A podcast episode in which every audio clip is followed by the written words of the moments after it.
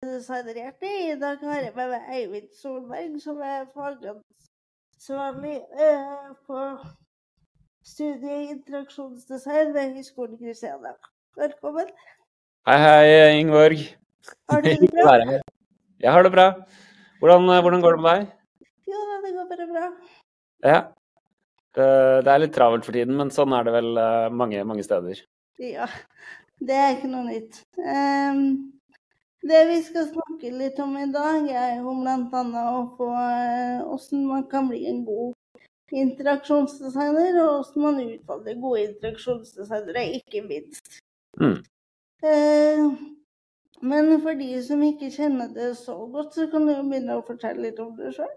Ja, det kan jeg gjøre, vet du. Så eh, jeg heter da Eivind Solberg. Um, vi kan jo gå litt i detalj. Jeg er eh, født og oppvokst eh, sånn 20 minutter utafor Oslo, på et sted som heter Frogner. Så ikke Frogner i Oslo, men Frogner sånn halvveis til, eh, til Gardermoen. Um, min sånn faglige bakgrunn uh, Jeg skulle jo egentlig ikke Jeg har aldri hatt noe sånn mål om å bli interaksjonsdesigner. Det har på en måte blitt mer veien som har blitt til mens jeg har ja, studert og tatt valg. Um, jeg skulle jo egentlig jobbe med film. Eh, det var litt sånn eh, greia mi når jeg var litt yngre. Men um, da det var, viste seg at det var litt vanskelig å bli regissør Har faktisk regissert en litt sånn kortfilm og gjort litt slike ting. Eh, Men fant ut at det, det var jo et veldig utrygt yrke, og, og trengte kanskje at nei, jeg skal gjøre noe med litt sånn eh, Noe som du kan få en fast jobb eh, og, og gjøre kanskje ja, verden til et litt bedre sted. Så da tenkte jeg at eh, da kunne jeg starte på høyskolen Høgskolen i Gjøvik. Eh, Så startet da på medieproduksjon der. Da hadde de både et litt sånn bredt utvalg at man kunne jobbe litt med film, men også med nettsider og grafisk design. Og da faktisk Det het ergonomi i digitale medier eh, den gangen. Det, det er vel litt det nærmeste vi kommer litt sånn universell utforming og interaksjonsdesign i dag. eh, Som jeg syns var veldig spennende. Så eh, mens jeg da eh, gikk på, på høyskolen, eh, så hadde jeg et eh, enkeltpersonsforetak. Og da var det noen som hadde lyst ut noe arbeid med nettsider innenfor private helsetjenester, som jeg tenkte ja, OK, det kan jeg jo prøve. Jeg syns det er gøy å jobbe litt med nettsider. Og så da begynte det å gjøre sånn at jeg eh, tok på meg en del av disse oppdragene. Og så fant jeg ut at eh, jeg, ønsket å, å lære bort eh, dette, og da tok jeg pedagogikk på Høgskolen i Innlandet. Så det var fra 2012 til 2014.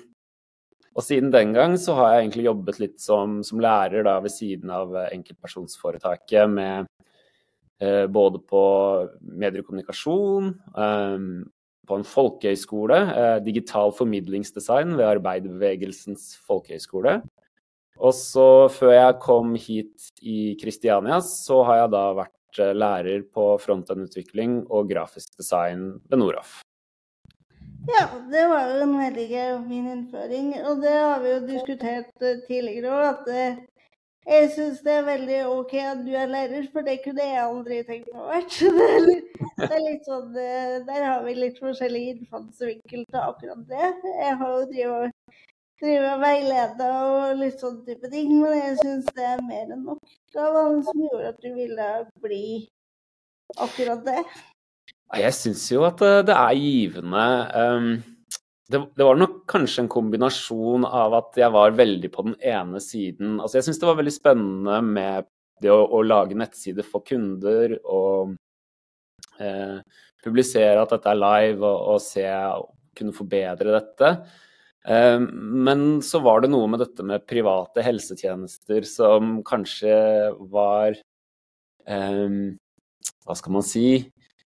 Eh, Jeg likte bedre altså verdien, og jeg fikk mer mening med å lære bort og, og se at andre mestrer og får til ting. Det syns jeg er ganske spennende. Um, så, så man blir ikke sånn kjemperik av det, men eh, det er, det er jo på en måte en eh, balanse der også, at man må finne, på, finne ting som man syns er eh, spennende og, og gir mening, tenker jeg da. Det er viktig. Ja, der tenker jeg at vi har noe til felles begge to. For det er klart at vi hadde stengt på lønna, så det hadde vi vært litt annen type prosjekt uten at vi trenger å gå i detalj på det. Men Mm. eh, det er noe, så er nå det sagt. Eh, hva er det som skal til for å bli gode interaksjonsdesigner, syns du? Oh, det er et godt spørsmål. Eh, Men jeg tror ikke jeg kan gi et fasitsvar på det. Men eh, jeg har jo noen meninger eller eh, noen hva kan du si, erfaringer som jeg personlig har tatt med meg, og så noe man kan se i studenter og kommende interaksjonsdesignere, og gode interaksjonsdesignere. En ting som jeg synes ofte går igjen, er at de er nysgjerrige. De, eh, de har litt lyst til å lære og lyst til å vite og lyst til å forstå. Um, og så har du jo på en måte et spekter her hvor noen syns det er kjempespennende med dette her med kunnskap om målgruppe, kunnskap om problemene. Og så kanskje litt mer på den andre siden så er det noen som syns det er mer spennende med utvikling og kode løsningene og se at um, det på en måte er uh, riktig strukturert og, og har litt mer sånn styr og orden. Og så kanskje sånn litt i midten så har du de som liker å jobbe litt sånn visuelt eh, med, med designsystem og prototyping. Men uavhengig av hvor du er på den skalaen, så den, den nysgjerrigheten, den, den, er nok viktig. Ja, den, den har oss begge to, tenker jeg. Sjøl så drev jeg jo mye med konsept og, og strategi, rett og slett fordi det var det jeg var best på. Jeg flira litt for meg sjøl sist vi snakka sammen, for da hadde jo klassa di om HTML og CSS, og hvis jeg skulle ha hjertet der, så hadde det blitt en mer time i vranglære enn det hadde blitt i, i, det som er reelt, i hvert fall. Det er Ja, det blir fort vanskelig, og det skjer veldig mye veldig fort. Så, så det er det tekniske er ja, Jeg, jeg syns jo det er ganske spennende. Men samtidig er jeg ikke en verdensmester på, på frontend-utvikling. Men jeg syns det er både viktig at interaksjonsdesignere vet litt hva er det som påvirker brukeropplevelsen. Altså at nettsiden um, den, den, skal være universelt utformet, bl.a. Sånn at hvis du bruker tastatur, så kan du navigere nettsiden, og at du eh, bruker riktige tags for å eh, gjøre det enklere å navigere siden, sånn at en skjermleser så kan du hoppe fra overskrift til overskrift. Eh, litt slike ting, da. At uh, det, det er også Ja, kan være litt lurt å, å ha på plass. Jeg ikke er glad du sa det, så klapper jeg for din skyld. Da, da, vet en jo at studentene får det med seg. For det, det, nå er det jo forsvinnet med ti år siden i vår. Altså til våren så er det ti år siden jeg gikk ut fra skolen. Gratulerer med jubileum. Det er gøy. Men da var jo universell utforming så vidt kommet på, ja. på trappene, så det har jo skjedd mye. Mm. Siden da, nå, hvis jeg ikke husker helt feil, så har dere vel en egen temaoppgave som handler om utforming òg? Ja, vi har veldig økt fokus på det. Så vi snakker som regel om det i alle temaoppgavene vi har. Altså vi deler opp skoleåret i, i temaoppgaver gjerne, hvor studentene løser ulike caser. Og de fleste caser så er det relevant å tenke universell utforming på en eller annen måte.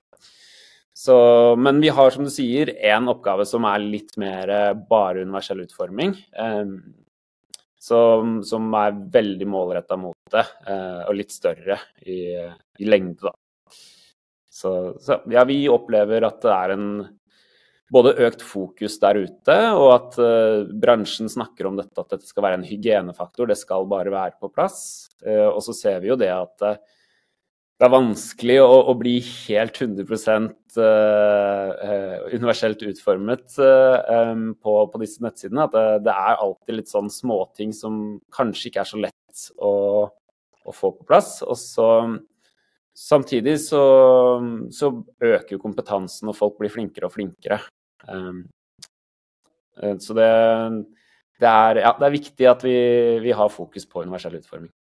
Ja, Det, det tviler ikke på at dere har heller, for det, det kommer til å straffe seg hvis man ikke hadde hatt det. Altså, én ting er jo en ting er jo det økonomiske, men elevene hadde jo blitt skadelidende av det etter hvert fordi at de ikke har fått de jobbene de eh, helst vil ha. Så det, det Mm. regner jeg med at dere har kontroll på. Eh, hvordan vil du si at eh, eh, studiet har endra seg nå? For som sagt, når jeg gikk der, så var det jo eh, mappeinnlevering til eksamen. Det regner jo med at det fortsetter. Og så er det var hadde en skriftlig eksamen, men det var jo òg veldig avhengig av eh, Eller det var skriftlig notat, i hvert fall. For dere som Mm. ikke kjenner eh, høyskolen, eller fagskolen Kristiania, så er jo det en toårig fagskole som eh, er på et litt lavere nivå enn høyskole, men begynner vel å nærme seg, eller, sier jeg feil? Ja, det vil jeg si. Eh, Det er mulighet å, bygge på et år i utlandet, eh, hvor man da ja, tar disse to årene på fagskolen, og så det året ekstra i utlandet, og da får en bachelorgrad. Så på den måten så, så er, stiller man likere. Men eh, i Norge så er det per i dag da, slik at fagskolen er da skilt fra, fra høyskolen, selv om man får studiepoeng på samme måte. Um, så, så er det ikke sånn at man kan bygge direkte på en eh, bachelor eller master uten at man må gjøre en, en kvalifisering over til eh, de andre eh, skolene eller universitetene. Ja, for det, det er jo en vesentlig forskjell. da. For den jeg gikk der for ti år siden, så fikk de jo bare 120 fagskolepoeng. Mm, Og så måtte du gå, gå um, på vanlig høyskole for å få de høyskolepoengene. Ja. Det er jo en Det er- ting er OK. Det er nok eh, Altså det at det heter studiepoeng nå, gjør ikke nødvendigvis at uh, man kan få en, en bachelor i Norge så enkelt. eh, fordi da må man inn på et studie som tilbyr det samme. eh, og så må man da se gjennom og godkjenne at eh, temaene og emnene er eh, godkjent for, for det samme så det, det finnes noen fagskoler som har ordninger eh, hvor man kan gå to år på fagskolen og over på eh, høyskolen. Men akkurat interaksjonsdesign har dessverre ikke det. Eh, og grunnen er fordi at eh, de emnene vi har, de er nok litt ulike på fagskolen målt opp mot høyskolen. I hvert fall på eh, interaktiv design, som ligner litt på vår. Den er litt mer teknisk. Der lærer man f.eks. litt mer programmering, mens vi koder mest nettsider. Så, Ja. så går de litt dypere inn i andre ting som, som vi ikke er så mye borti. Yes, det, var, altså, det her fantes jo ikke for ti år siden, men det, det er jo en veldig praktisk retta utdanning. Mm. Og eh, altså, bare så det er sagt, jeg er jo veldig glad i den utdanninga, for hvis ikke det hadde vært for det, så hadde jo ikke jeg hatt noe jobb. Da hadde ikke jeg sittet her, for å si det sånn. Mm. Eh, men eh, Jeg syns det er veldig fint at vi, vi har fagskole, um, litt på grunn av at uh, høyskolen Jeg husker jo det selv når jeg gikk på Nå begynner det å bli en stund siden på Høgskolen i Gjøvik, det som nå er NTNU. Så var det Altså, jeg syns det var en god skole, men det var jo mye som var litt sånn teoretisk eh, og ikke så praktisk.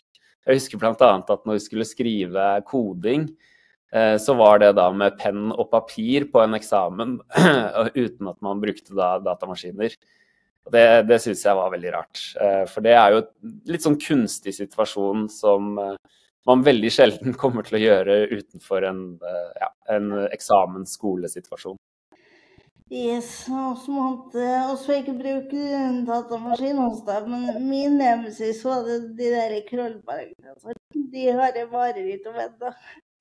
Du, du skal, du skal en, altså, hvis du skal skrive i javascript, da gjør dere det fortsatt. Vi eh, gjør litt mindre javascript eh, nå fremover. Eh, vi kommer nok til å fokusere mer på HTML og CSS. Litt fordi at det blir jo mer teknisk med, med javascript-biten.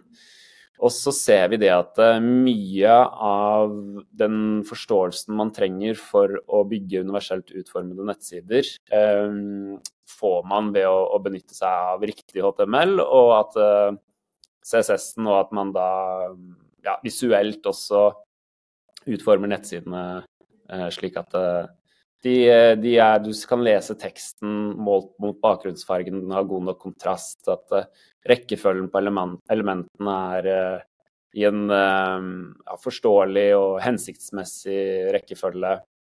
Så, så vi, har, vi, har, hatt Vi toner nok ned litt javascript-biten, og så øker vi fokus på både da universell utforming og det å bli litt god på å teste eh, nettsider også.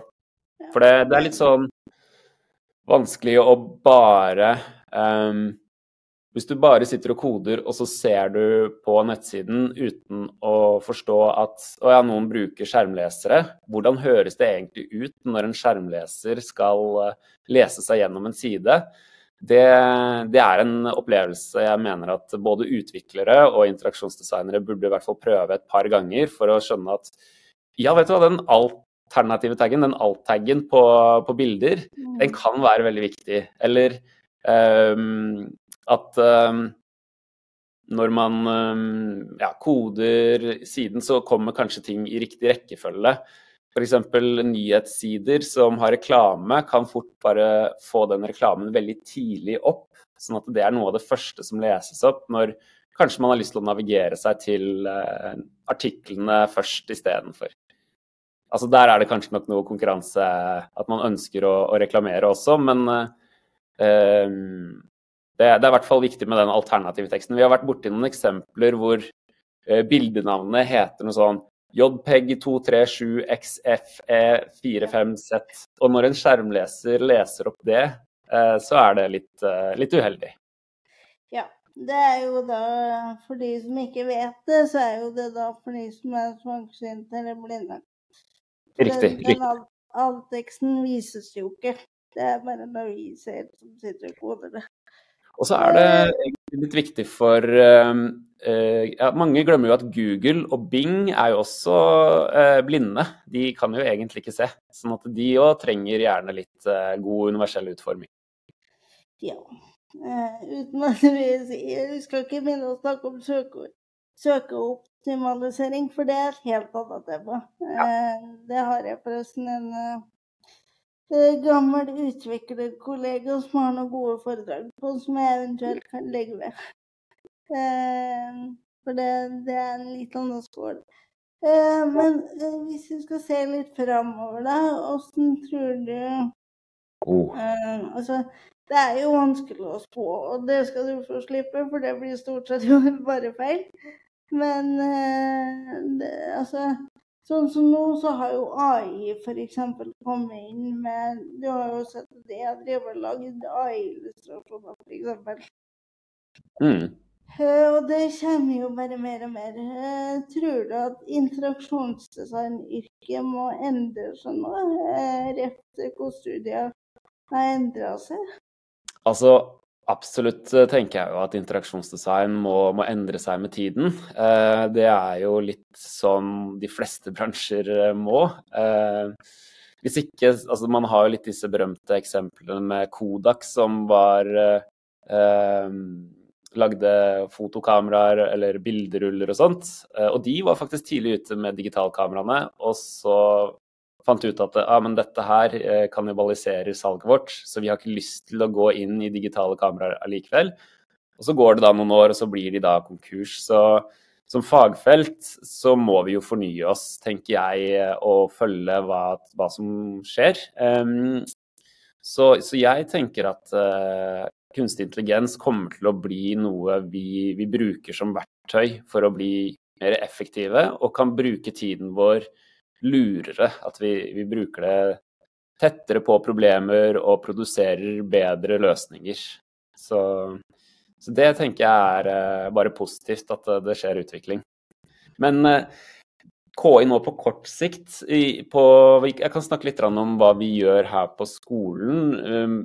Vi har egentlig ikke hatt noe sånn veldig vi har, vi har, ikke laget et tema som heter kunstig intelligens for interaksjonsdesign ennå.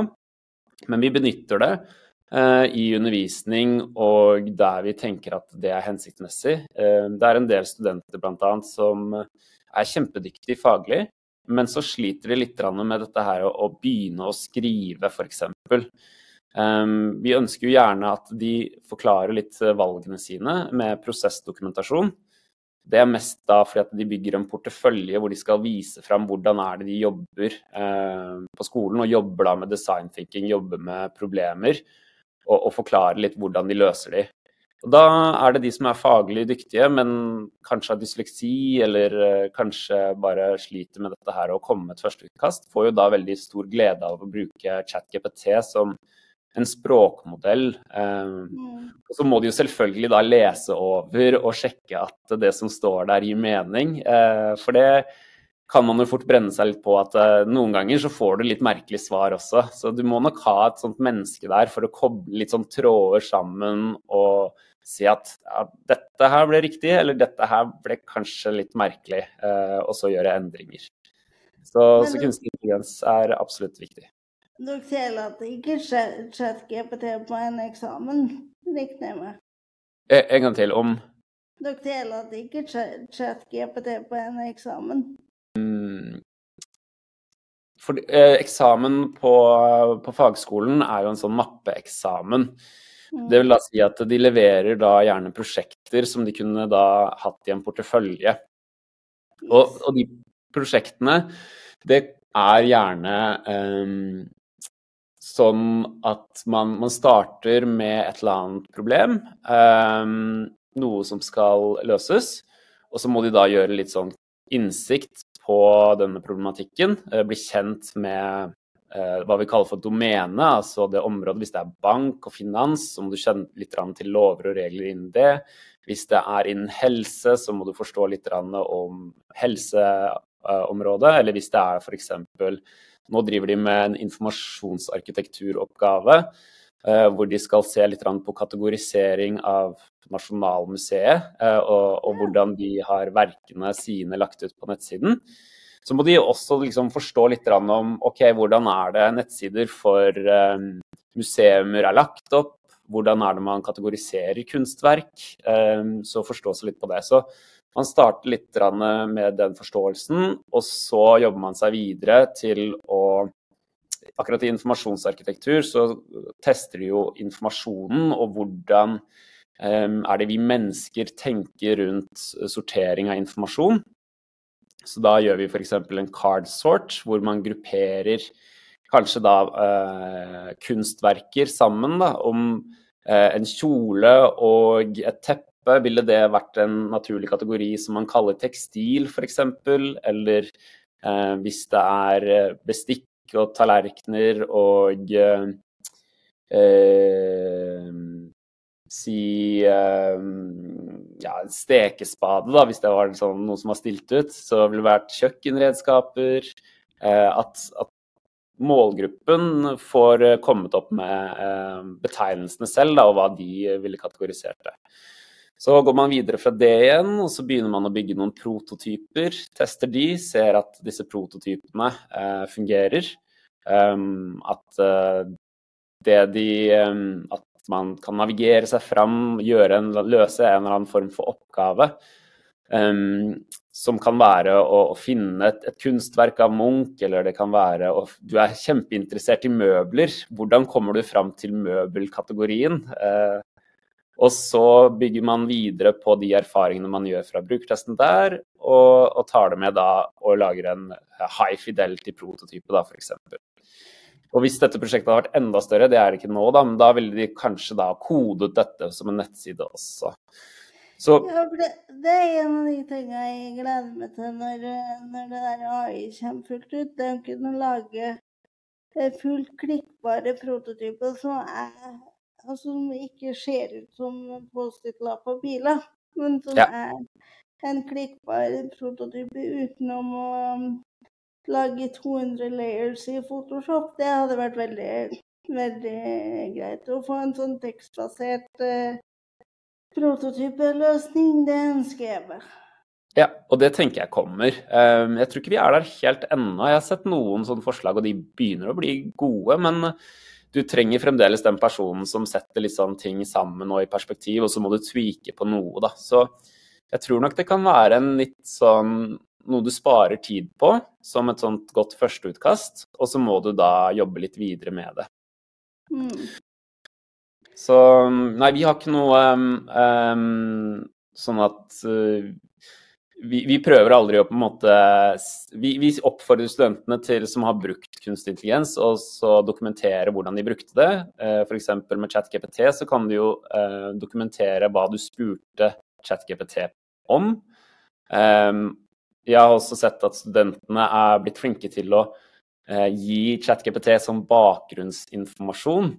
Um, så vi har egentlig en sånn litt åpen dialog da, om hvordan er det de bruker ChatGPT, og det tenker jeg er, er nyttig, da, fordi at uh, hvis studenten ikke har noen forståelse for Jeg har sett besvarelser hvor man på en måte prøver å, å jukse da, og bare levere hva kunstig intelligens gjør, men ofte så blir det så generisk at du får ikke uh, ChatGPT og, og, de kunstige intelligenssakene som vi har i dag, er ikke smarte nok til å på en måte gå inn i alt, i hvert fall det jeg har sett, da, hvor de da leverer prosjekter som er gode. Um, så da, du, må, du kan bruke det som utgangspunkt, og så må du jobbe litt med det videre. Ja, det må man jo alltid. Eh, nå har det snart gått en halvtime. Tida går fort i godt lag. Eh, men du skal gi noen eh, gode råd på slutten Det er interaksjonsdesignere som skal begynne å jobbe. Hva ville det vært, da? Det er jo å Hvis man er en ny interaksjonsdesigner, og egentlig en Altså uansett, så, så er det litt dette her med at Eh, man må ikke nødvendigvis kunne vite alt. At man føler kanskje litt på denne her at eh, du skal være en verdensmester og ha et svar på eh, alle spørsmål. Ehm, så da tenker jeg at et godt råd er å tenke at du må bare være litt sånn positivt innstilt. At hvis du, du er noe du er usikker på, eller noe du ikke vet, så kan du si ehm, akkurat det der er jeg litt usikker på. Det kan jeg komme tilbake til, for jeg finner gjerne ut av det. At man bruker også den nysgjerrigheten Eh, man har til å fortsette å lære og, og være litt sånn sulten på å teste nye ting og, og kanskje utfordre litt hva som har vært etablerte sannheter til en viss grad. Da. At man kan se litt på eh, hvordan man kan fortsette å utvikle ja, eh, nye, litt sånn annerledes løsninger også. Mm. Yes, nei, men da tror jeg vi runder Du trenger ikke å gå helt ennå, men eh, vi runder eh, episoden. Og så vil jeg bare si tusen takk for at du stilte opp. Eh. Det, neste episode det får vi se litt, men planen er i hvert fall å få lagd en juleepisode. Ja. ja men det høres bra ut. Da sier jeg ha det bra til litt, og så logger vi av. Ha det bra. Ha det.